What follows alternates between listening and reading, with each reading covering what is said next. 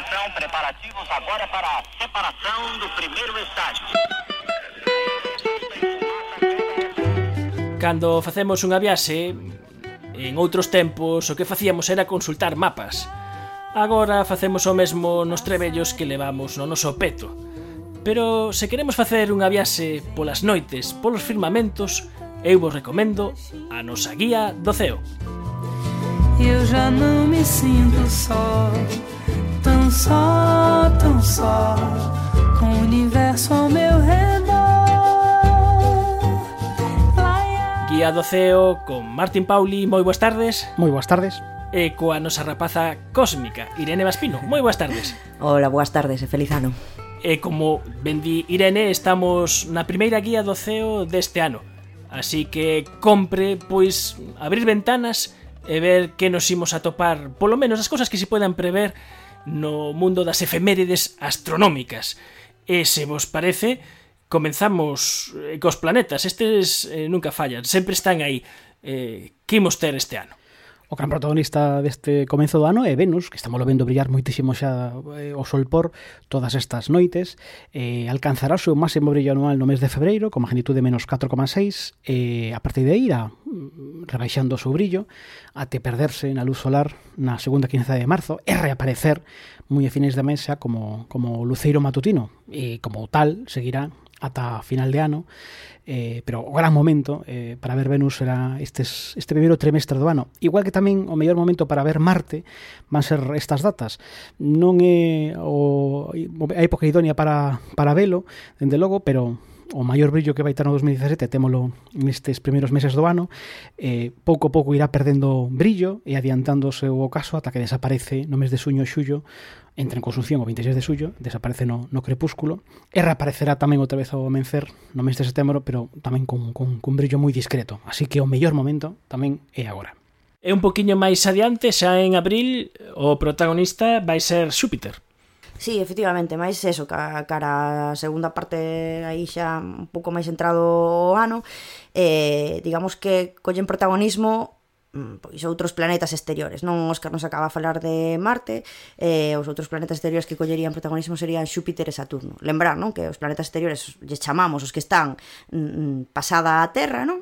Eh, e estes dous planetas, Xúpiter e Saturno, van a ter pois oposicións, en concreto Xúpiter o 7 e 8 de abril e Saturno aí cara o 15 de xuño.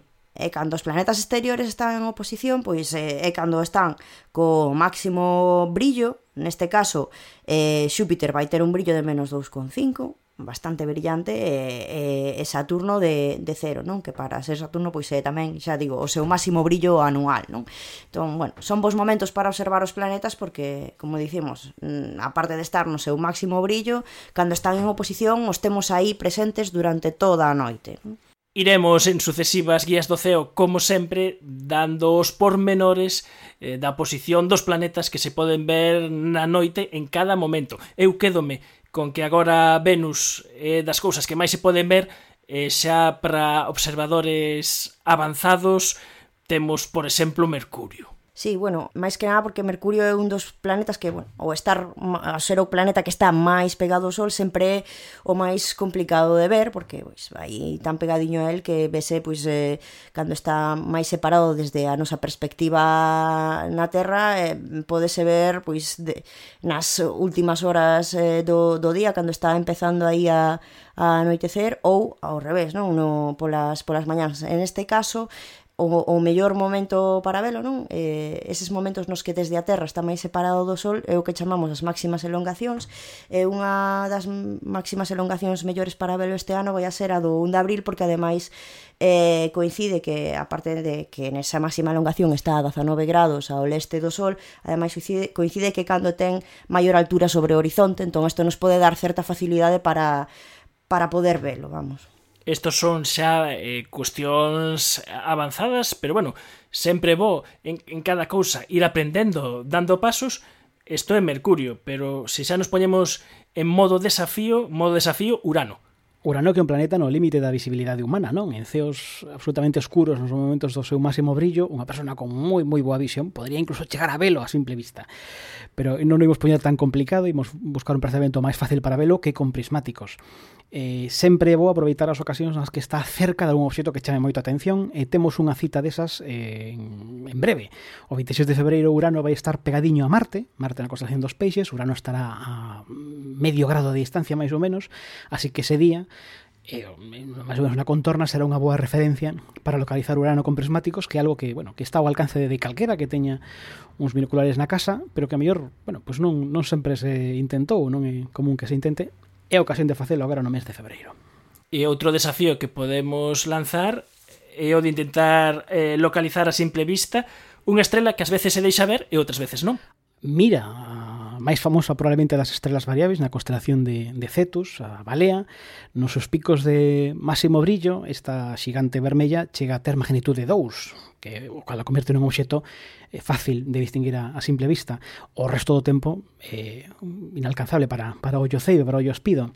Así que un desafío para estes primeiros meses do ano, xaneiro e febreiro, será ir facendo seguimento desa constelación da balea, que no, agora mesmo se ven moi ben, é fácil de localizar no, no solpor, nas primeiras horas do solpor, eh, e ir vendo a ver en que momento chegamos a ver brillan, eh, a ver brillar a estrela eh, mira, non?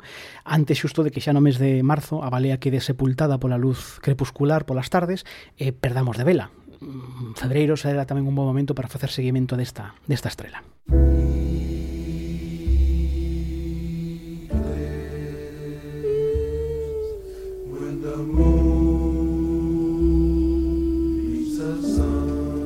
Eclipse, cando a lúa atopa o sol.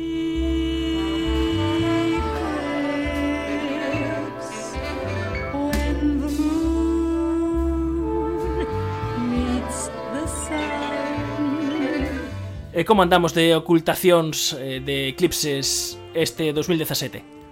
Pois temos unha xa moi pronto, na noite do 10-11 de febreiro, pero iso sí, bastante discreta. É unha eclipse penumbral de lúa que consiste en que o disco lunar terá un levísimo escurecemento que probablemente pase inadvertido para a maior parte das persoas, a non ser, claro, que o o leamos nos xornais, como pasa coas superlúas, que tamén son lúas cheas, normais e correntes, pero que de cando en cando crea unha expectación así eh, insospeitada, eh, probablemente injustificada, porque non te, non te grada que as distinga de outras, non?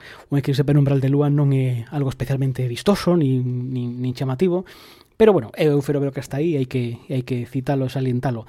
Así que a gran cita do ano é ese eclipse total do 21 de agosto que cruzará os Estados Unidos, e que polo tanto pues, eh, dá absoluta garantía de que vai ser recollido por miles e miles e miles de cámaras e, e que verá infun, abundantísima información e material gráfico que nos eh, vamos, se nos sepultará neses días de agosto con información sobre, sobre eclipse total. Que aquí en Galicia poderemos ver tamén como parcial. Un pouquiño nada máis pero xusto antes do solpor chegaremos a ver eh, como o sol ten unha pequena, bueno, é mordido pola lúa uns minutos antes e despois das nove, xusto antes de que o sol se poña, veremos un, o comenzo, digamos, desa, desa eclipse, non? Eh, como unha pequena eclipse parcial, non vai ser a mellor eclipse das nosas vidas, pero tamén haberá que, haberá que botarlle un ollo, e buscando horizontes moi despexados, porque o sol xa estará a moi baixa altura, estará poñéndose prácticamente a uns 5 grados de altura sobre o horizonte, así que vai haber que buscar, insisto, un ceo, un horizonte ben despexado para, para poder apreciar esta parcialidade. Eh, podemos dar un mini apuntamento rápido de, de algunha misión espacial que vai ser significativa neste tempo. Por exemplo, unha veterana que xa se despide, que é a Cassini, Cassini Huygens. Pois sí, a Cassini que foi lanzada en outubro do 97, non? Que, que parece que foi antonte, e que anos. resulta que xa fai 20 anos, 20 anos. Non? eh, eh, bueno, pois eh, a, ademais do, do orbitador Cassini a misión incluía a sonda Huygens que se achegou a Titán eh, en xaneiro de 2005 antes de que, de que en setembro a deixen caer sobre Saturno e se desfaga ao queimarse coa súa atmósfera pois paseará entre os anéis de Saturno, ofrecéndonos a mellor pois información sobre os mesmos que pois que aínda non tivemos, non? Entón, bueno, é un final así como moi apoteósico, non? Moi A ver, a ver que nos depara este final, este adeus a, a Cassini. Pois entre as moitas misións que hai no ano das distintas agencias espaciais, NASA, ESA, etc., etc., pois chama atención especialmente ao lanzamento en decembro dunha misión chinesa non tripulada, cuxo nome eu non me atrevo a pronunciar. Chang'e 5 Bueno, pois esta sonda chinesa que se chama, como acabades de escoitar, vai viaxar á Lúa e traerá mostras da Lúa á Terra. E isto é un pouco singular porque mm, dende as míticas misións Apolo americanas e logo tamén outras moitas misións soviéticas non tripuladas no, entre os anos 69 e 76 Eh, aquelas sí trouxeron en material da Lúa a Terra, pero desde aquela, dende o ano 1976, hai máis xa de 40 anos, non houve ningunha misión que trouxese eh, restos do noso satélite para, para cá. Así que, bueno, eh, hai que felicitarse e saudar que esta misión chinesa volva a traernos eh, agasallos eh, selenitas para, para, para aquí. Eh, probablemente sexa tamén o primeiro paso dunha volta a, a fama do noso satélite que tiñamos un pouquiño abandonado, non? Pois a de recordos, souvenirs e chaveiros se poden facer coas pedras lunares que vai a traer a misión esta, vamos, vou non dicir en, en cristiano, Chang'e 5 eh, desta de, de misión que, bueno, retoma o, o noso satélite e o volve traer a memoria e volve traer físicamente eh, pedrolos, pedrolos da lúa. Este foi o panorama da nosa guía do CEO do ano 2017 un ano no que esperemos que teñamos moitas noites de... Ceos despexados. De ceos despexados. Eh, moitas grazas, esteleiros, eh, como sempre, Martín Pauli, moi boas tardes. Boa tarde. E Irene Vespino. Ata logo, boa tarde. I must have died and gone to heaven Cause it was past 11 On a Saturday